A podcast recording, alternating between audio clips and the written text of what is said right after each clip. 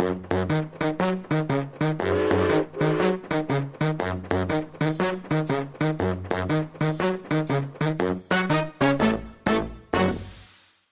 og hallo, og velkommen til en eh, ny episode av podkasten Ekspedert.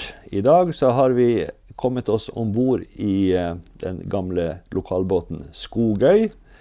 Og det er faktisk et eh, maritimt tema vi skal inn på i dag. For i dag så var det en liten historisk hendelse oppe på Sjømannskirka i Narvik.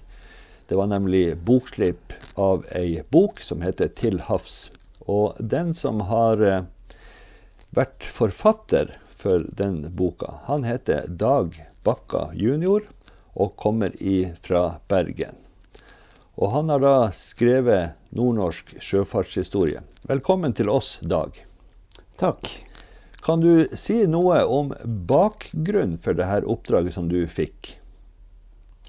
Ja, jeg ble kjent med Tor Husjord for mange år siden i Rederiforbundet, hvor jeg i sin tid var eh, invitert som, som journalist.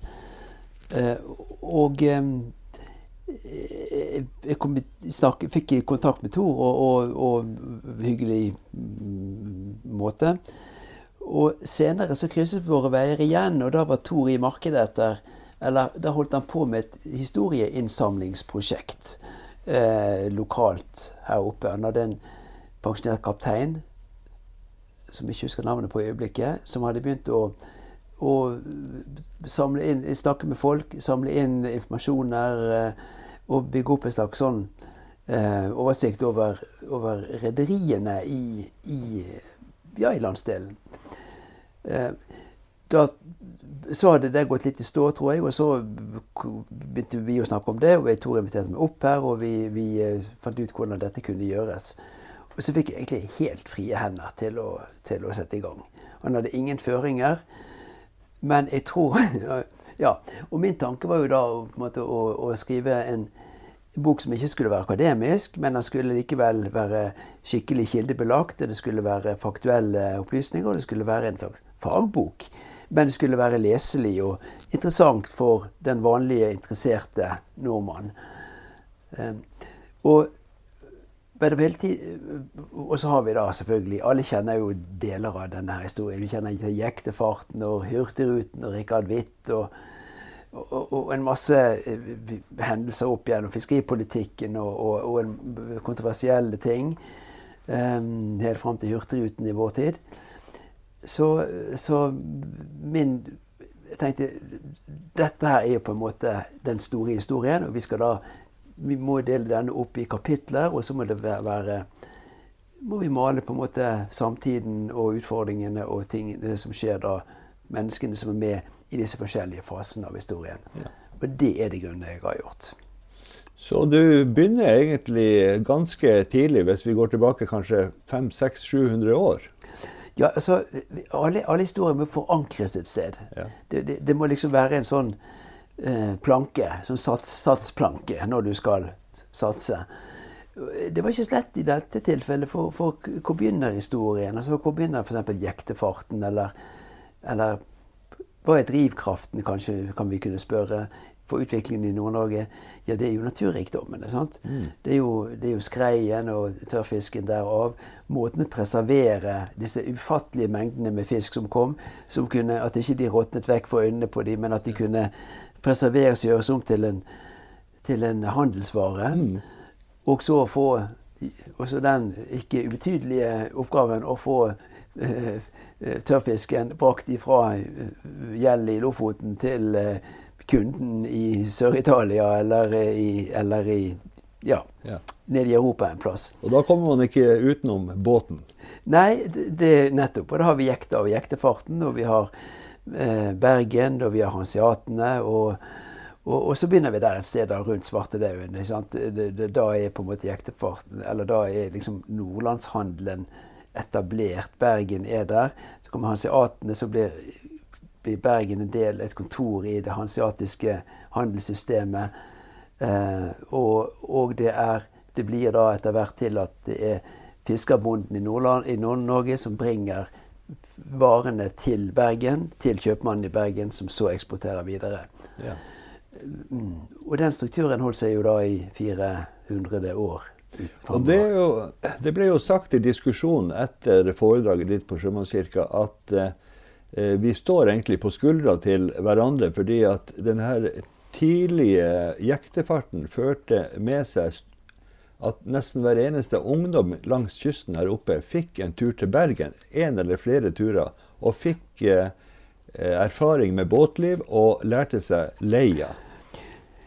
Ja, det er ganske klart at, at um, um, Tenk oss Nord-Norge den gangen med så my, mye færre mennesker, langt mellom folk, store avstander, barsk natur, tøffe for natur, vær og vind. Um,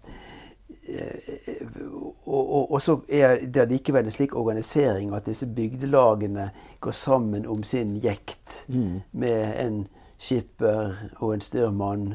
Skipperen var som regel eieren. Styrmannen var han som var, var egentlig kaptein. Skipper. Sant? Og disse håsetene som representerte disse eide lasta. Og så hadde du disse her og disse ungdommene som var med på sitt livs første store eventyr. Ja. Og seile hele denne kysten som har nesten ukevis eh, i, i, hver vei. Og komme frem til denne her riktignok beskjedne, men dog allikevel Bergen, som var Skandinavias største by i, i, deler av denne tida. Med masse forskjellige språk på kaia. Nettopp. Og, og, Bergen, som egentlig hadde veldig tidlig fått et veldig sånn kosmopolitisk eh, handelsmiljø. Mm. Her var det tyskere og skotter og, og, som hadde liksom hver sin del av, av, av handelen. Det klart har vært en opplevelse. Ja. Også denne her eh, De handelshusene i, i Bergen de eh, tok jo også en risiko, fordi at de, kjøpte, de hadde lagreplass og kontakter ute i verden. Eh, og på den måten så var de som dro ned til Bergen med fisk, de var i hvert fall garantert å få levert fisken. Ja, det var du. Og, og, og, og eh, det utviklet seg veldig tidlig. Det, det mener at det, det fins belegg for fra 1400-tallet. At det blir liksom en personlig forhold mellom den enkelte fiskerbonde og denne kjøpmannen ja. i Bergen. Eh, og, det ble en sånn toveis, eller en type gjensidig avhengighet. Mm. Altså, fiskerbonden, For fiskerbonden så var kjøpmannen han representerte markedet og veien ut. Men kjøpmannen trengte fiskerbonden for å ha noe, ha noe handel i det hele tatt. ikke sant? Ja. Og fiskerbonden fikk oppgjør fra handelsmannen, ofte i naturalia. Mm. Eh, og, og, mens, mens, mens eh, kjøpmannen ga jo en slags kreditt mens han ventet på å få oppgjør for fisken i andre enden. ikke sant?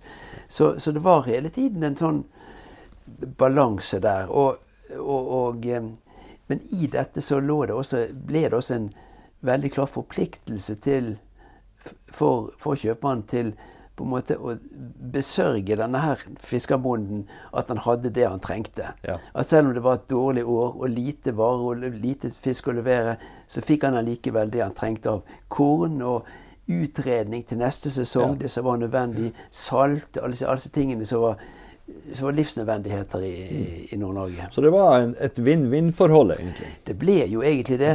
Men over tid så snakker vi om denne nordlandsgjelda. Altså det der at, at, at Nord-Norge kom liksom kollektivt i, i, i, en slags avhengighet, eller i et økonomisk avhengighetsforhold til, til kjøpmannen.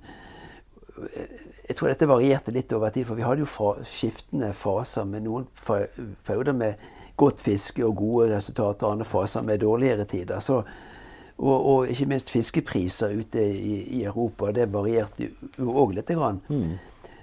Men i det store og hele så var nok det et system som på mange måter var ja, Det fungerte i hvert fall ja. på, på, mange måter. Og det var veldig mye persontillit i det, og det syns jeg på en måte lover litt godt. Ja, ja. At det var et personlig forhold.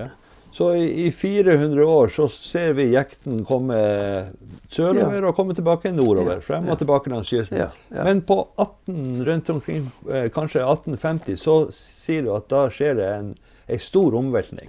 Ja, det begynner så smått da på slutten av 1700-tallet. Um, ehm, for da, da, da altså, Dra til Nord-Norge er liksom i, faller i to systemer. Vi har Nordland med Nordlandshandelen og, og jektefarten og Bergen, hvor det fungerer veldig bra. Finnmark eh, fungerte veldig dårlig, for der, de hadde jo nærmest dobbelt så lang vei. Ja. Ja. Så, så der ble det til at uh, Og Finnmark, det var litt sånn Det var ikke mange som bodde der, riktignok. Men det ble litt sånn forpint. Og så fant de da uh, Disse dansk-norske kongene hadde jo periodevis veldig De som rotet seg opp i kriger, det var jo i stadig gjeld. Og da på slutten av 1600-tallet så uh, gikk fant de på, fant kongen i København på at han skulle outsource hele Finnmark til et handelskompani i Bergen. som fikk og det gikk så langt at han avviklet eh, amtmanns eh, Altså eh, Han er sin egen administrasjon i Finnmark og overlot dette dette handelskompaniet i Bergen. Det vi i dag kaller for konkurranseutsetting? Ja, det var det absolutt. Det var, det var det. Men det var uten konkurranse. Men i hvert fall men disse bergenserne fikk og, ja, og i dette lå en forpliktelse til at de skulle skaffe De skulle holde Finnmark gående med korn og, og livsnødvendigheter mot, i bytte med fisken. Og, og, og, med dette fungerte ikke, det kom stadige klager. Og så gikk Handelskompaniet konkurs. Og så etter hvert så ventet det med at det var et dansk handelsfirma som drev, eh, som drev virksomheten. Eh, i København så ble Finnmark oppfattet litt på linje med Færøyene og Island. Det var en sånn fjern region som, uh, som Hvordan skal man liksom Han har sagt løse dette problemet på. Så da var det iallfall et dansk uh, handelskompani som overtok. Og til slutt gikk de også det konkurs, og da overtok kronen, eller kongen, overtok også handelskompaniet både på Grønland og, og, og, eller på Island og, og i, i, Finnmark. Og så kommer de ut på 1770-tallet. Da finner de ut at det der fungerer ikke, her må vi ta et nytt grep. grep. Og da gjør vi det sånn at vi liberaliserer. Vi gir eh, byene i, i, Finnmark de får kjøpstadsrettigheter. Så satser vi på at pomorene kan, kan komme med korn i bytte med fisk. Ja. Og så kommer det alltid en del utenlandske skip, engelske og hollendere og sånn, som skulle til Kvitsjøen og Arkangelsk og sånn etter trelast. Og de var interessert i å kjøpe fisk på kysten når de kom inn i Hammerfest og sånne, sånne steder. Så, så, vi satser på det. Og det som da skjedde, var det at eh, disse her handelskompaniet sine folk i Finnmark, de kjøpte liksom den virksomheten de selv hadde drevet fra kongen og startet opp. Og fikk sine eh, egne handelskanaler som i stor grad gikk til Danmark. De fortsatte liksom å drive den handelen som de hadde gjort. Og det gikk mye, mye bedre. Eller det gikk gradvis bedre, da. Ja.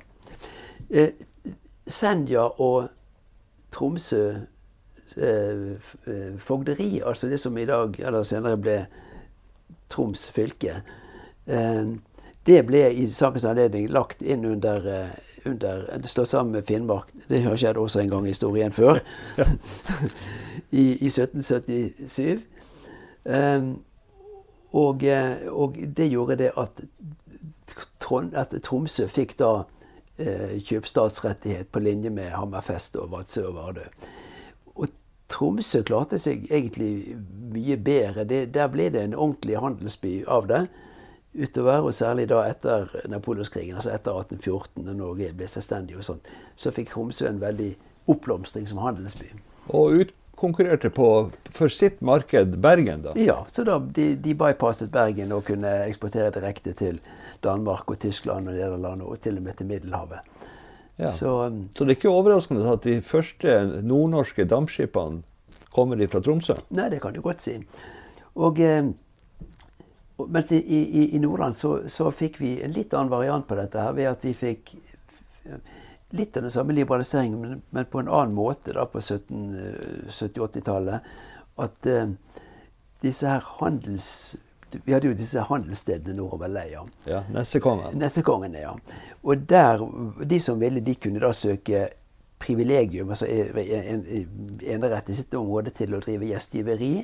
Og som gjestgiver så fikk du rett til å holde et visst lager av korn og livsnødvendigheter som du kunne selge bytte til, til, til fiskerbonden.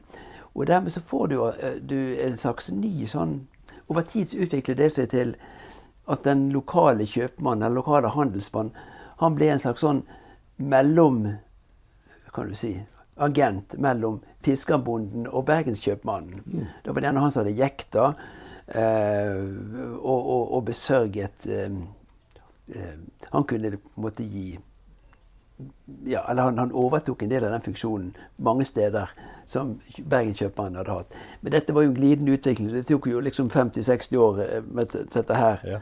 på en måte utviklet seg. Um, og så får vi da i Nordland dette her um, handelsborgerskapet. Disse nessekongene og væreierne. Um, velstående, et nytt aristokrati, rett og slett, med Ofte var det jo skolerte folk innenfor uh, handel, i hvert fall. De hadde, de ofte hadde vært ute i verden og lært seg litt om regning og, og, og språk og sånn. Og, og, de, og, de, her de gifte seg med hverandre innen Og det var jo veldig ofte utenlandske navn, da, som Zahl og, og, Figenschou og, og Gjæver og, Ja, i det hele tatt Dreyer og disse her gamle en drøss med sånne nordnorske, eller nordlandske da, familier. Som er et interessant sånn kulturhistorisk ja. studium altså i seg sjøl. De var på en måte motor i sine ja, lokalsamfunn? Ja, det var de. Og de hadde jo sin store tid da, utover på 18-tallet. Um, og samtidig levde jo av eh, skreien og tørrfisken og, og, og, og dette her. men så kommer da på en måte Så griper det Teknologien griper liksom inn, og utviklingen griper inn i denne utviklingen ved at dampskipsfarten kommer i gang. Vi får det ja. første dampskip i 1837. Hjuldamperen til statens hjuldamper Prins Gustav som kommer tøflende nordover. Og etter hvert så, så uh, får vi liberalis... Ja, etter hvert som så setter staten de sourcer ut, ut dampskipsfarten til private selskap. Vi får det bergenske dampskipsselskap og det nordenfjelske dampskipsselskap. som overtar rutefarten fra 1865. Og, og, med skip som på en helt annen måte kan besørge varetransport. De kan ta både klippfisk og korn og, eller tørrfisk og tran og tønner med, med, med rogn og alt dette her. Det, ble, det, overtar på mange måter for jektefarten. Mm. For at de sender det heller med dampskip. Men kyst, Kystverket, hvor var de under det? For eh, ja, Kystverket, vet du, det var, det, det, det var eh, vet, Norge var jo et langt land, og, og eh, dette med fyr og Det var særlig fyr, fyr altså Det første fyret i Norge, eller nord for Trondheim, var vel Villa fyr, som kom på 1830-tallet. Og det var jo et, et Vi må vel ha det for oss at, at sjøfart i gamle dager, det var noe en drev med i sommerhalvåret. Ok. Ja. Når det var lyst hele døgnet? Når det var lyst hele døgnet, ja. Og eh, slik at om vinteren så holdt folk seg veldig mye i ro. Det gjelder også byene sørpå. og sånn at, at de gikk i en sånn vinterdvale. Ja. Men, men, men, men, her hadde vi jo da det at fiskeriet foregikk jo på vinterstid. sant? Lofotfisket var jo da eh, tidlig på, eh, på året. ikke sant? På Januar, februar, mars. Så, så, så en, Den nordlandske fiskerbonden han hadde jo på en måte to årsverk. Han, han hadde jo et Sommerårsverk? Ja, ja, og et vinterårsverk. Det, så det forklarer jo også at produktiviteten i Nord-Norge var jo på mange måter høyere enn snittet i landet ellers. Hvilket vil jo si at han var mer produktiv enn f.eks skogsarbeideren i, på Østlandet, eller uh, hva man skal si. For de driver et kontinuerlig vekselbruk gjennom hele året? Det var nettopp det han gjorde. Han drev jo ett et, et, et bruk på sommerstid med småbruket, og ett uh, fiskerårsbruk, uh, hadde han sagt, på vinterstid. Slik at tallene fra nasjonalregnskapene fra 1830 til 1860-70 viser jo det at Nord-Norge sto for 20% av av eksportinntektene, mens de hadde 8-10 av befolkninga. Altså Dobbelt så mye som Dobbelt så mye som, som, som snittet, på ja. en måte, kan vi si. Så, så, det var jo en produktiv landsdel, til tross for at de beklaget seg over at de var økonomisk avhengige av bergenserne. Men bergenserne levde jo på en måte litt på det samme produktiviteten, eller ja. på deres produktivitet. Så um, men så det som er den store forandringen i Nord-Norges historie, sånn, i historien, det er det at på slutten av 1860-tallet så, så kommer det noen år med sild, eller de første av mange Sildeår. sildeår. Store innsig av sild i Vesterålen, Lofoten, nordlandskysten nedover. Um, og til å begynne med så vet ikke nordlendinger hva de skal gjøre med dette. her. Så Det første året så er det vestlendinger som kommer til å ta seg til rette. Og så kommer nordlendingene på banen med garn og nye redskap. Garn og nøter og litt andre ting. ikke sant? Den, Silda tok ikke hensyn til de gamle strukturene. Nei, de gjorde ikke det. Nei da. Og gamle juksa hjalp ikke mye på etter silda. ikke sant? Her måtte de andre nei, Ikke Line heller. Så her måtte til med andre eh, botemidler. Og, um, og, hele systemet her med salting av silda. ikke sant? Det blir en ny struktur, en ny business. rett og slett, En ny business opportunity. Ja. Og det er det den, en ny generasjon med, med unge nordlendinger eh, tar, tar, tak i utover da på 1870-, 80-, 90-tallet. Og og da får vi liksom en, en, en, fase der hvor vi har noen disse som jeg har snakket disse her eh, foregangsmenn. Eh, vi har f.eks. Ja, Rikard Wittmann. De, er gjerne, født rundt 1850. F.eks. Rikard Witt. Eh, Vesterålens Dampskipsselskap, men han driver også med sildeforretninger og ja. sånne ting. Og så har du naboen hans Christian, Christian Fredriksen på Melbu med industrialisering og sånne ting. Eller eller Ellingsen på Kvitnes med, med, med snurpenøter og så greier. Og, og, og, og dampskip eh, etter sild. Og vi har, eh, vi har foregangsmenn i Lofoten som både Henrik Dreyer på Henningsvær med, med, med fiskedampskip og med foredling guano, altså sånn fiskeavfall som blir mm. tørket og solgt som, ja. som gjødning. Og, eh, og, og Jem Johansen på Stamsund som bygger Eh, forbedre fiskeværet, fiskeværet og, og, bedre forhold for fiskerne for å trekke til seg mer business i, mm. i, i, på Stamsund. Og Sjølbergene i, i Bodø og Kårbøen i Harstad, som er samfunnsbyggere hver på sin måte. Mm. Og, men veldig mye av dette er på en måte litt sånn ringvirkninger av silda. Ja. ja. Og så kom det her aller første telegrafstasjonen på Kjeøya i Lødingen vestbygd. Ja da. Det, det, altså, telegrafnettet var bygd ut i Norge fra 1850-tallet og kom jo da omsider fram til vel Vardøhus, nær sagt opp 20 år seinere. Men disse her sildetelegrafene, ja. det, var, det, var, viktig fordi at, at eh, det var viktig, og, og der fikk vi noen sånne um, sånne hva skal vi si, sånne sesongvise tele, eh, telegraflinjene var operert sesongvis i, i sildesesongen. Um, ja, uh, Løddingen til ja, hele veien ut til, til Svolvær og, og, og, og, vel så det. Det var så lagt kanskje til og med over til, til Vestvågøy. Um, som, som um, altså jeg skulle gi, og oppover til, til Vesterålen òg, som skulle gi melding om silda. Slik at man kunne sende nordover oppkjøpsskip? Ja. ja.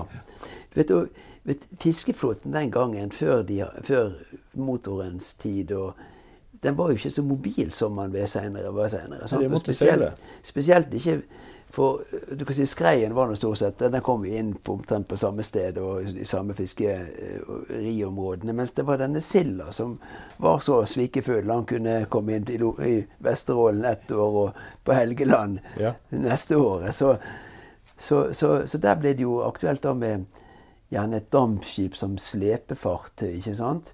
Noen av de første dampskipene ble kjøpt akkurat for å slepe notbåtene med seg. Og kanskje etter hvert også med sånne Eh, du vet, På Lofoten så lå jo folk i robuer, men, mm. men eh, når du ute etter silda, så trengte de jo litt bedre hus enn bare å ligge under teltet i, i, i fembøringen. Så der har de fikk gjerne Etter hvert kom det jo nye båttyper som skøyter, Lister-skøyter f.eks. med dekk. sant?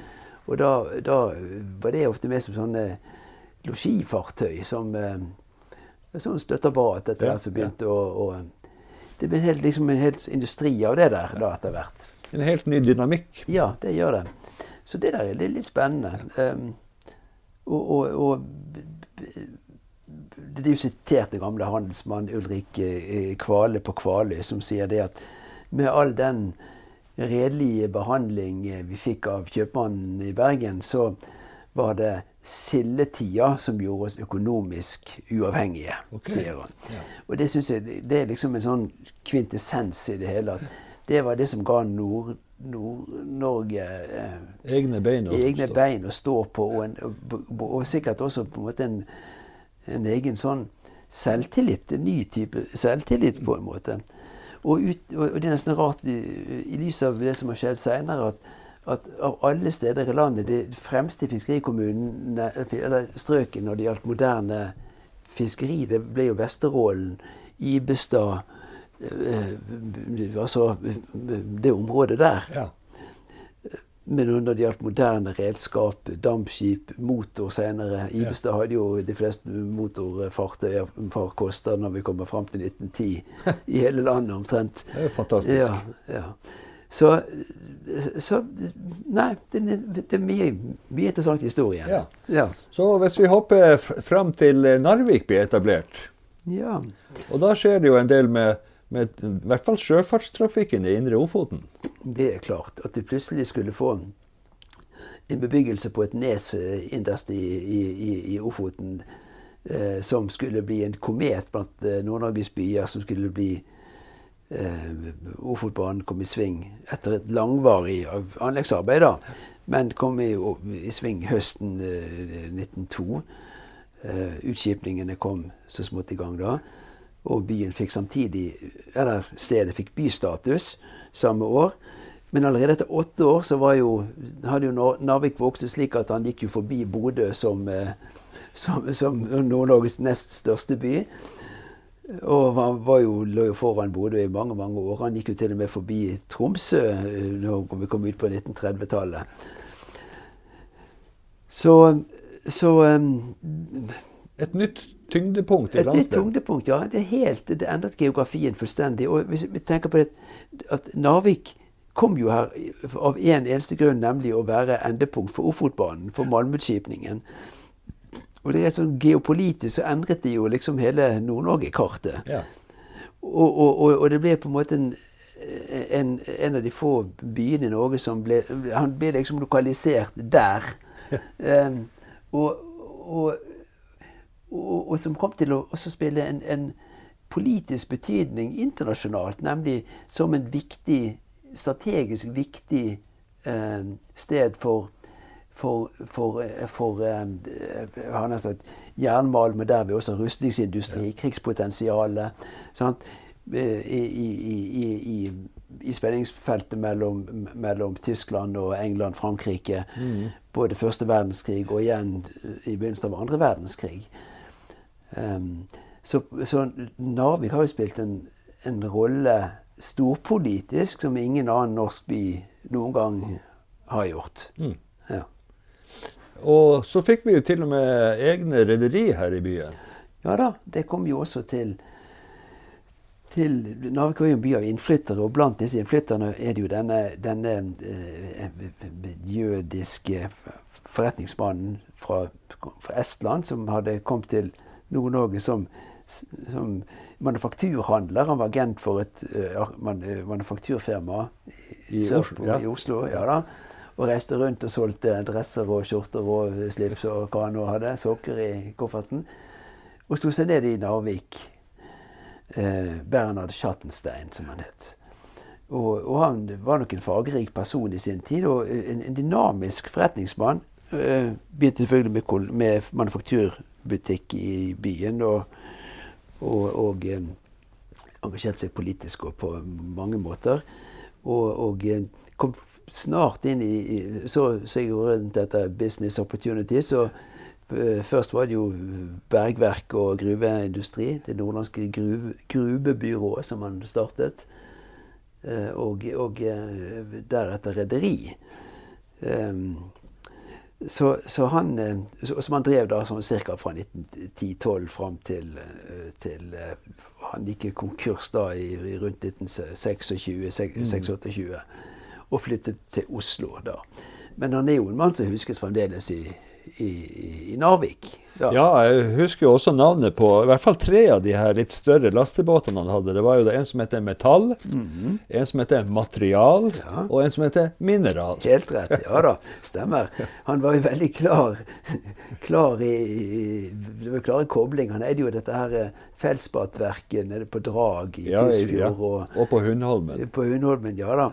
Så, og han hadde store planer da i, i begynnelsen av første verdenskrig om å lage en internasjonal handelskorridor over Narvik mellom England, som var alliert med Russland, ja. og, og, og, jo var avskåret av Tyskland, som lå i midten.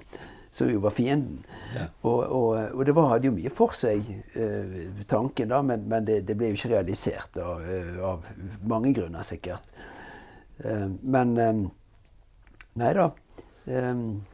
I dag er det jo Narvik havn som kanskje har overtatt en del av det arvegodset, i og med at de jobber for å få en internasjonal transportkorridor fra Kina til USA, men fortsatt ja. med Narvik som ja. ikke akkurat flaskehalsen, men mm. mulighetenes havn. Ja, altså Narvik i, i, i havn i dag spiller jo en for det første er det jo den gamle tradisjonelle havnevirksomheten som går som alltid, nemlig jernmalm til ut, ut i verden fra, fra Narvik. Um, men det andre er jo selvfølgelig Ofotbanen som transportvei også mellom Sør-Norge og Nord-Norge, ja. f.eks. Og, eh, og, og um,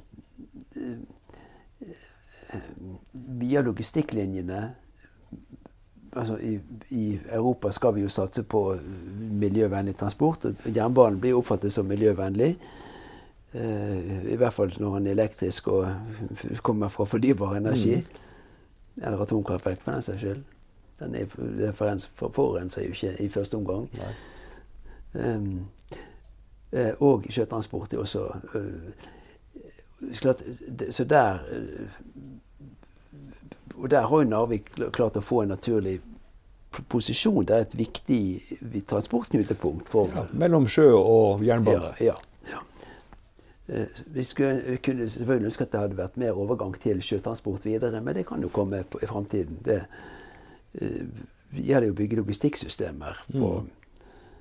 på, sjø og land, da, som, altså, eller som kan gå over integrerte transportsystemer, som det heter. Ja. Du, eh, hvis det skulle komme en historielærer til deg og så spørre om Hvorfor skal jeg ta denne bruka, boka i bruk i, i undervisninga? ja. Nei, altså eh, Vi må jo ha kunnskap. Og kunnskapen den eh, må vi jo finne et sted. Og, og om vi finner den i bok eller på internett eller hva det nå skal være, så er jo ikke det så vesentlig. Men poenget vi var ute etter, etter bra kunnskap. Og jeg har jo basert meg på i denne boka på den kunnskapen eh, som jeg har på en måte funnet eller fått eller tilegnet meg. Men samtidig så har jeg jo satt inn i et system, for det er litt sånn der også. altså Faktaene må på en måte henge sammen i resonnementer og i årsakssammenhenger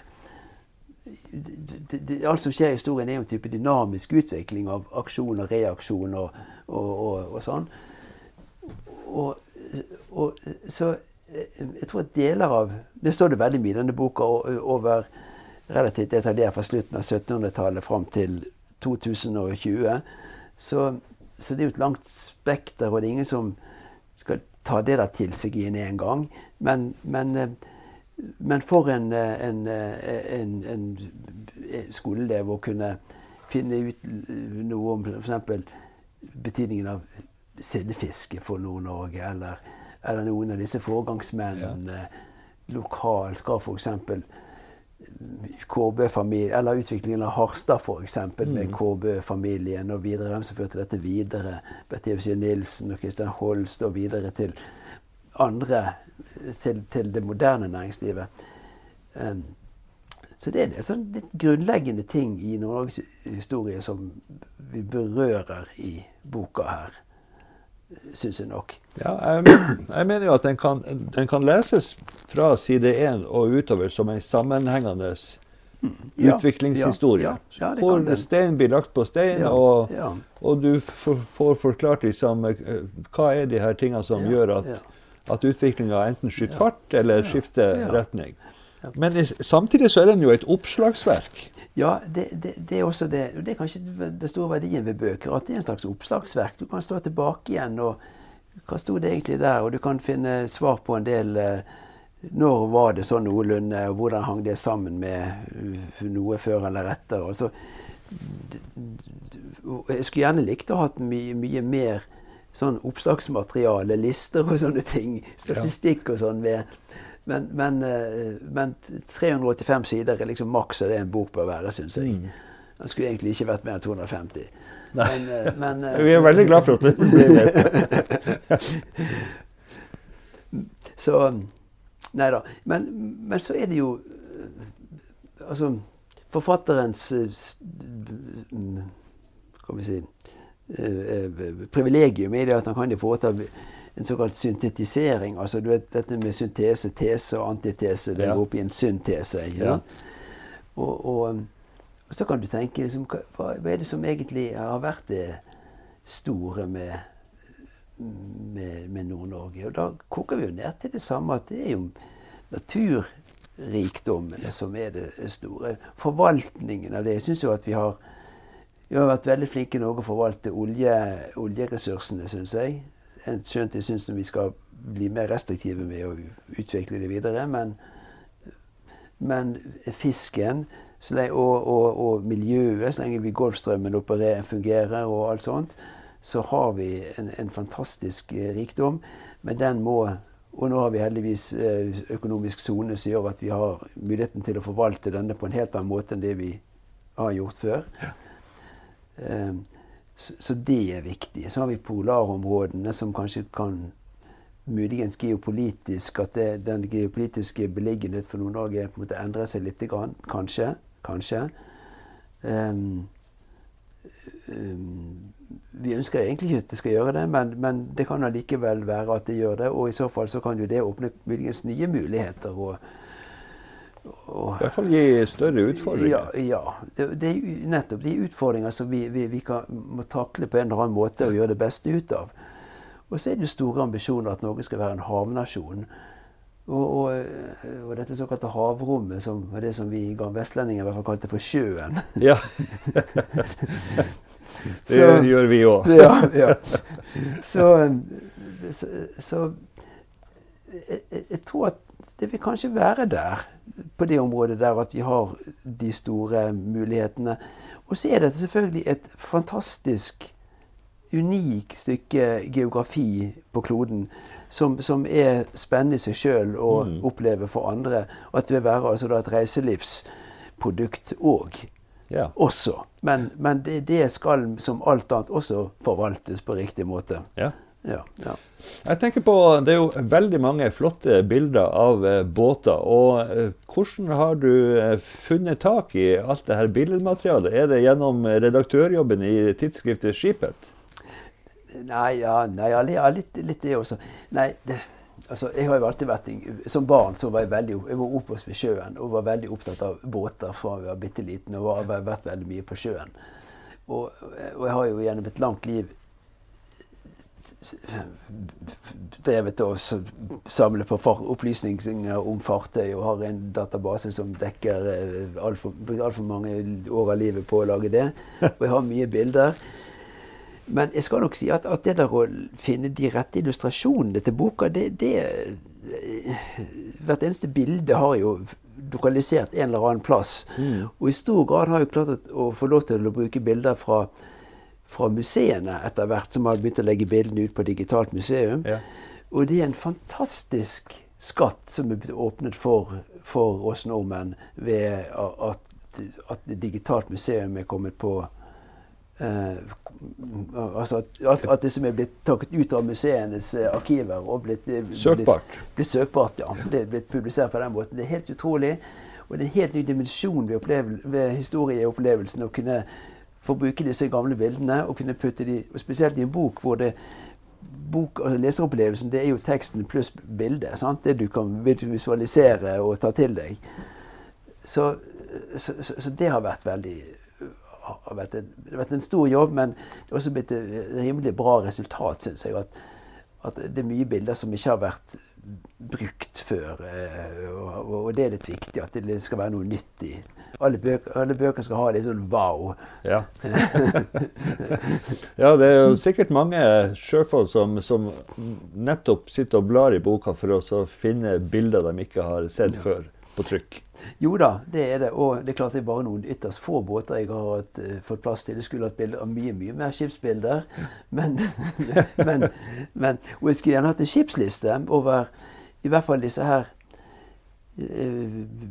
største rederiene, i hvert fall i Nord-Norge. Men det, det blir det heller ikke plass til, for vi skrev jo så altfor mye tekst. Så Vi får prøve å legge det ut digitalt etter hvert. ja, det, det kan vi gjøre. Og, og, og, og jeg tror at den norske maritime historien den er så omfattende at, at vi kan ikke skrive bøker om alt sammen, men vi kan bruke andre måter å publisere på. Mm. Og så må vi sørge for at disse her nettstedene vi lager, at de ikke lever og dør med oss enkeltpersoner, men at de kan bli på en måte eh, videreført i en eller annen eh, ja, organisert sammenheng. Ja. Ja. Det, det, Ja. det tror jeg.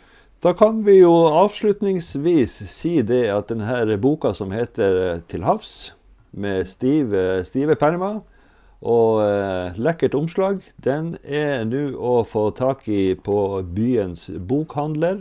Men også de som vil ha den tilsendt, de kan ta og rette en henvendelse til Maritimt Forum Nord, som holder til nede på havna i Narvik.